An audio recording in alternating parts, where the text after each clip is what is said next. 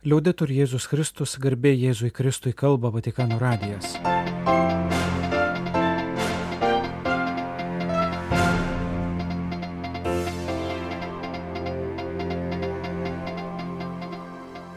Malonus klausytojai šioje programoje, kaip Jėzus taip ir mes, sėjame gėrį bei tikėjimą.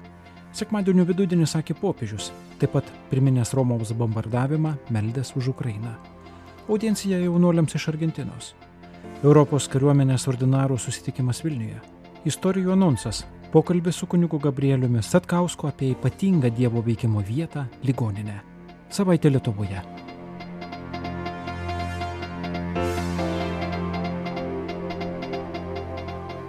Sekmadienio vidudienio susitikime Pranciškus kalbėjo apie sėjėjo palyginimą, kurį perteikė evangelistas Matas. Viešpats yra sėjėjas, mes dirba, kurion barstoma jo sėkla. Dievo žodis.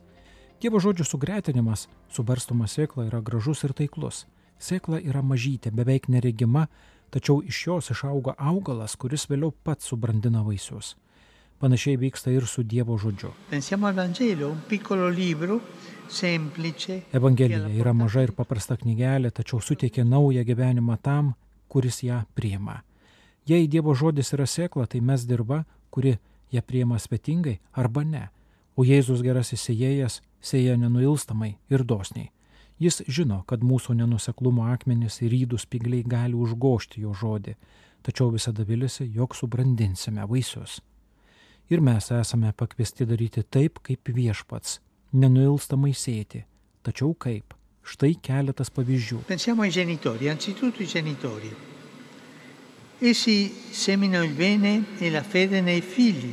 Visų pirma, gėrį ir tikėjimą savo vaikuose sėja tėvai. Jie kviečiami nenuleisti rankų ir tada, kai rodos vaikai jų nesupranta, nevertina jų patarimo arba kai vyraujantis pasaulio mentalitetas neša juos į priešingą pusę. Tačiau gera sėkla lieka.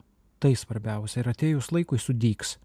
Bet jei tėvai pasidavė nevilčiai nustos sėti ir paliks savo vaikus madų bei telefonų maloniai, neskirdami jiems laiko, neugdydami jų, tada dirlinga dirba tikrai prisipildys pinkčiuliu. Pažvelkime ir į jaunulius, kurie taip pat gali sėti Evangeliją kasdienio gyvenimo dirboje, pavyzdžiui, melzdamiesi. Ir malda yra maža nematoma sėkla. Tačiau per ją viskas yra atiduodama Jėzui ir jis tai augina. Panašiai ir su laiku, skirtu kitiems ar tam, kuriam kažko reikia. Tai gali atrodyti prarastas laikas, nors iš tiesų tai šventas laikas. Tuo tarpu vartojimo ir hedonizmui skirto laiko teikiamas pasitenkinimas galiausiai palieka žmogų tuščiomis rankomis. Panašiai su pamokomis ar studijomis, kurios vargina ir nesuteikia greitos gražos, tačiau kaip ir seja yra būtinos dėl geresnės bendros ateities. Arba dar Evangelijos įėjai daug šaunių kunigų, vienuolių, pasauliečių, kurie gyvena Dievo žodžiu ir jį skelbia, dažnai nematydami greitų vaisių. Skelbdami žodį niekada nepamirškime, kad net ir ten, kur atrodo nieko nevyksta, iš tiesų veikia šventoji dvasia, o Dievo karalystė auga per mūsų pastangas ir virš jų. Eikime todėl pirmin su džiaugsmu, prisiminkime žmonės, kurie mūsų gyvenime pasėjo Dievo žodžių sėklą. Galbūt jis sudygo praėjus daugeliu metų po to, kai susidūrėme su jų pavyzdžiu, bet tai įvyko dėl jų. Atsižvelgdami visą tai, paklauskime. Ar aš sėju gėrį? Ar man rūpi tik jį susirinkti, ar ir barstyti kitiems? Ar barstau Evangelijos sėklas kiekvienos dienos gyvenime, studijų, darbo, laisvalaikiu metu? O jei nematau betarpiškų rezultatų, nusiviliu ar kaip Jėzus ėjo toliau. Liepos 16-osios vidudienio maldos susitikime Pranciškus sveikino piligrimų grupės Šventojo Petro aikštėje ir priminė prieš 80 metų įvykusi kai kurių Romos kvartalų bombardavimą bei Pijaus XII apsilankimą viename iš jų Šventojo Laurino kvartale. Deja, šios tragedijos kartojasi. Kaip tai įmanoma? Ar praradome atmintį? Tegul viešpats pasigaili mūsų ir išvaduoja žmoniją iš karo rykštės.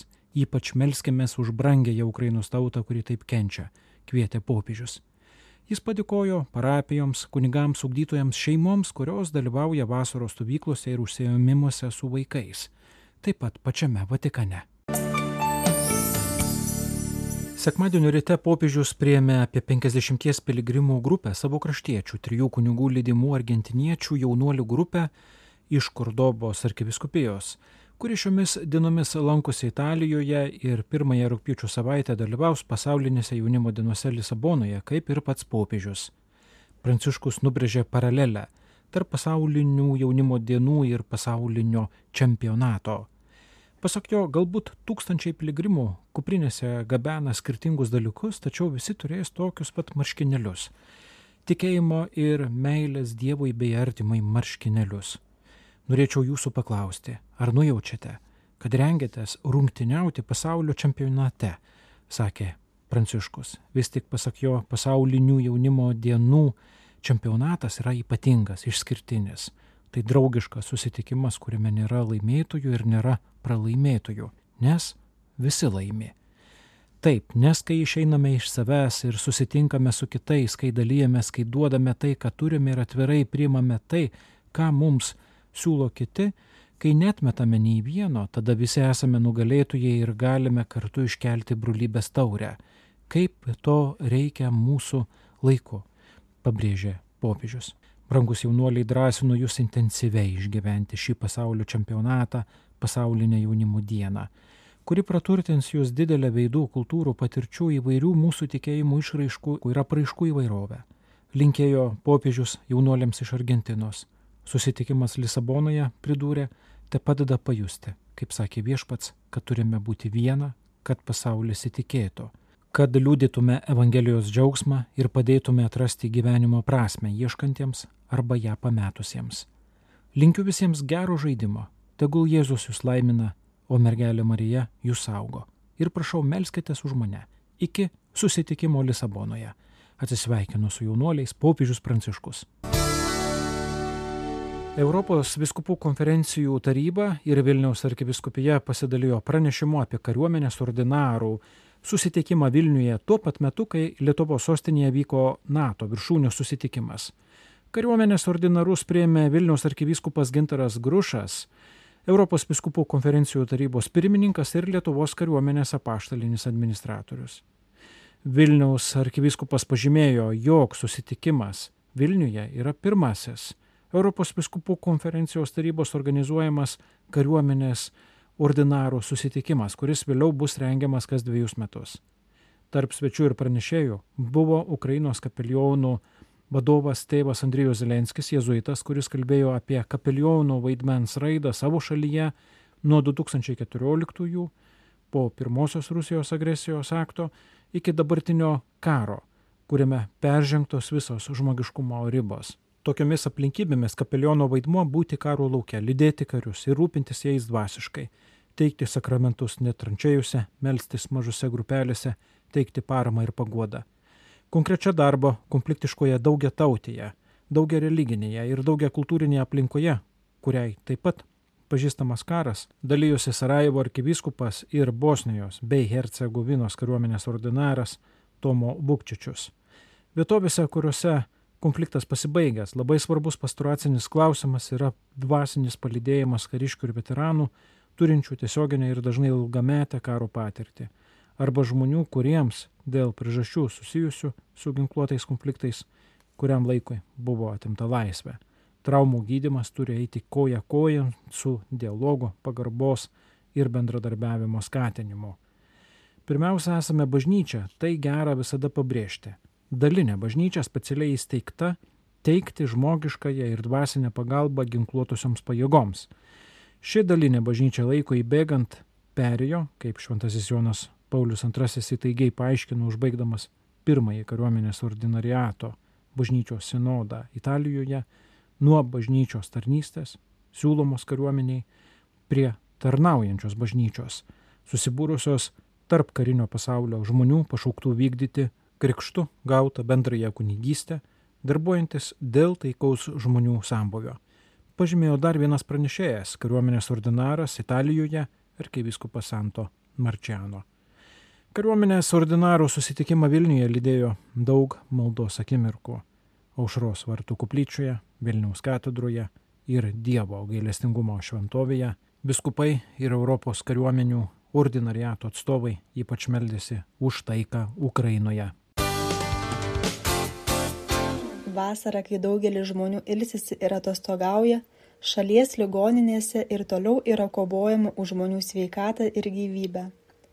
Kuningas Gabrielius Atkauskas, būdamas Vilniaus universitetinės ligoninės santariškių klinikų Dievo gailestingumo koplyčios kapelionas, teigia, kad dvasinis palaikymas ligonėms, gydytojams, personalui yra labai svarbus o ligoninės koplyčią vadino oaze, į kurią ligoniai gali ateiti, ten rasdami užuovę nuo ligos karščio, nerimo ar pabūti tyloje.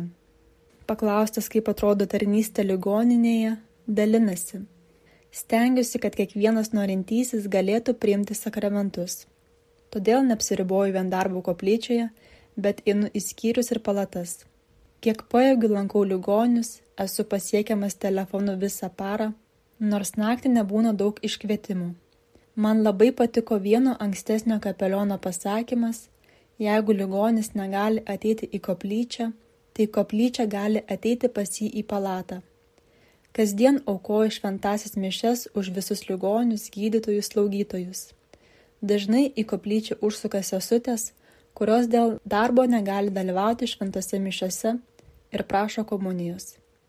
Eidamas koridoriais ar kylant liftu, kalbuosi su darbuotojais, ligoniais. Reakcijų sulaukiu visokių. Gal žmonės galvoja, kad jau kažkoks ženklas, kad sutiko kunigą. Bet vėliau pamatau, kaip tie žmonės ateina į koplyčią, žiūri ir varto dvasinę literatūrą, kažką pasiema paskaityti. Ligoninėje yra beveik 3000 lovų skirtingose skyriuose, kurie išsidėstė skirtingose miesto vietose. Visą laiką budžiu kad galėčiau sutikti išpažinties sakramentą ar nuvežti komuniją ligoniui. Kuningas Gabrielius taip pat dalinosi apie situacijas, kai tenka žmogų išlydėti arba kai po ligonio sakramento žmogus atsigauna. Įdomus pasidalinimas, kas laukia jo pirmąją dieną, savaitę, kai pradėjo šią tarnystę. Jam teko susidurti ne tik su sakramentų teikimu, bet pasiklydimais ligoninėje ir net keurų stogu.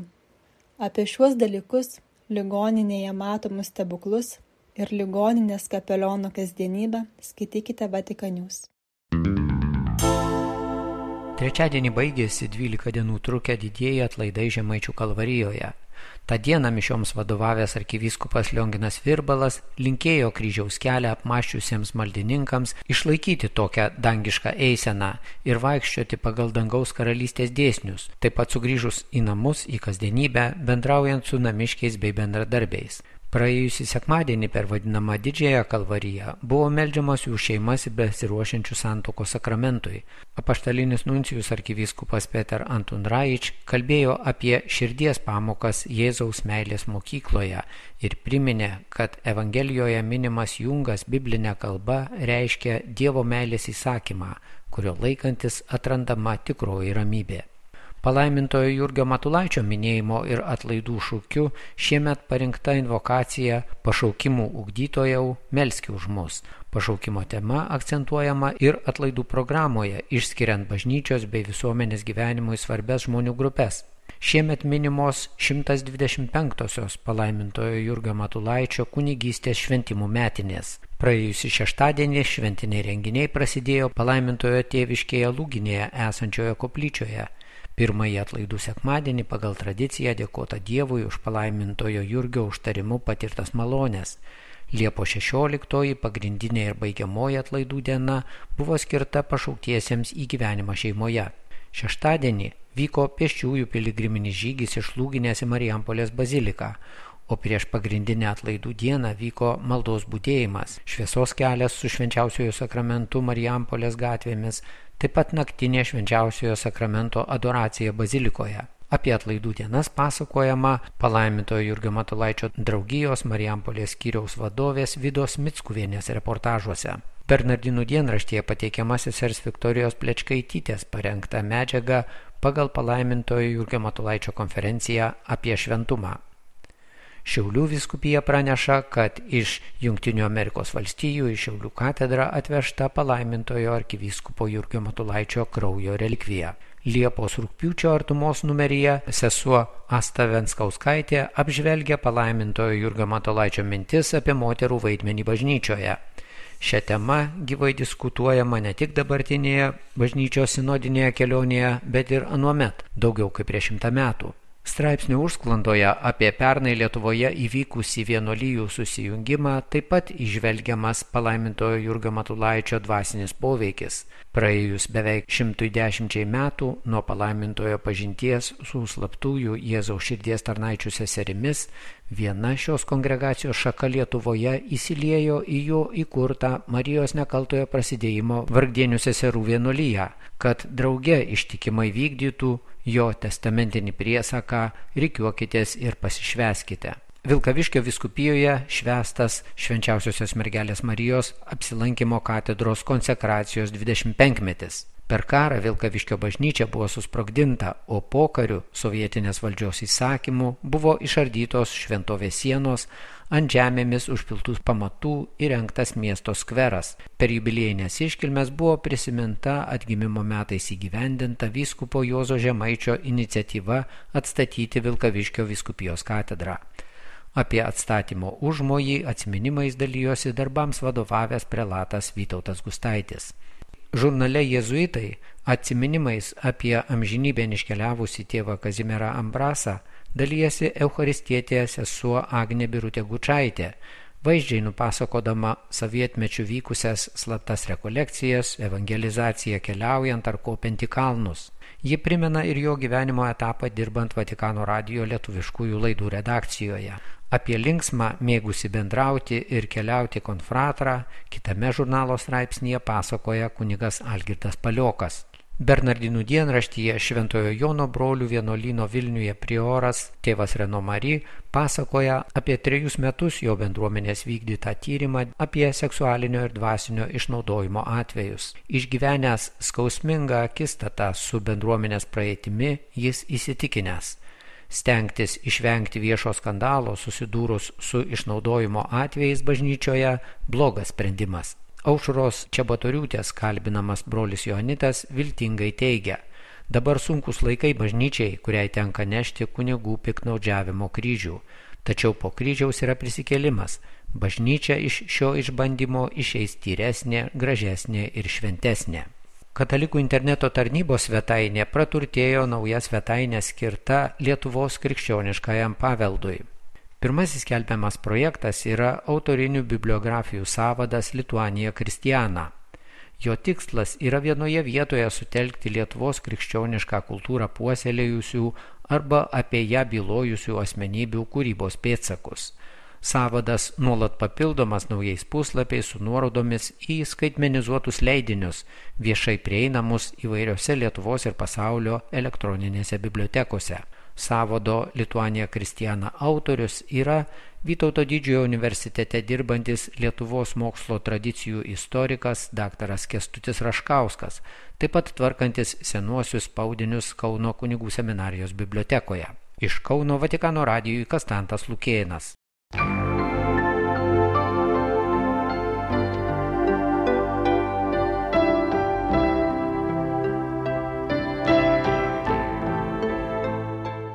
Malonus klausytojai laidą lietuvių kalbą baigiame. Kalba Vatikano radijas. Garbė Jėzui Kristui, liaudai turi Jėzus Kristus.